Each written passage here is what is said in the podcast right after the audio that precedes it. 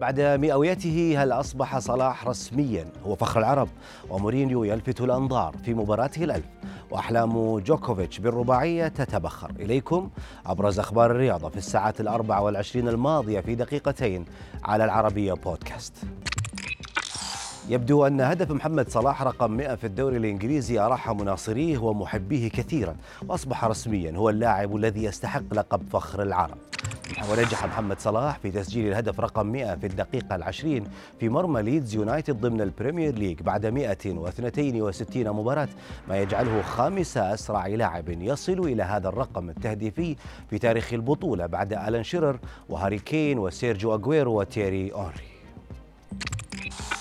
فرحة كبيرة واحتفال صاخب. عبر بهما المدرب البرتغالي جوزيه مورينيو بعد الفوز القاتل الذي حققه فريقه روما على ساسولو في الدوري الإيطالي. هذا الهدف الذي سجله ستيفن شعراوي تم وصفه على أنه أجمل تكريم للمدرب الملقب ب Special 1 في مباراته الألف الذي منحه العلامة الكاملة في ثلاث مباريات وصدارة الدوري بتسع نقاط. عقب هدف الشعراوي اندفع مورينيو في حالة من الفرح الجنوني حيث اندفع راكضا من على مقاعد البدلاء باتجاه مدرجات جماهير روما للاحتفال مع اللاعبين والجماهير بالهدف والفوز القاتل.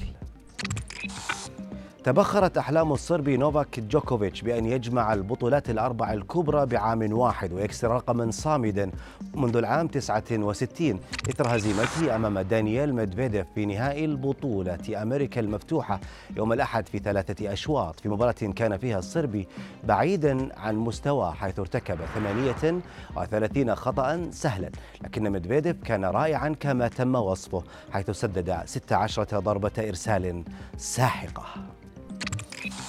يبدو أن الحادث الذي وقع بين البريطاني هاملتون والهولندي فرشتابن وتبادل الاتهامات بين الطرفين لن يمر هادئا.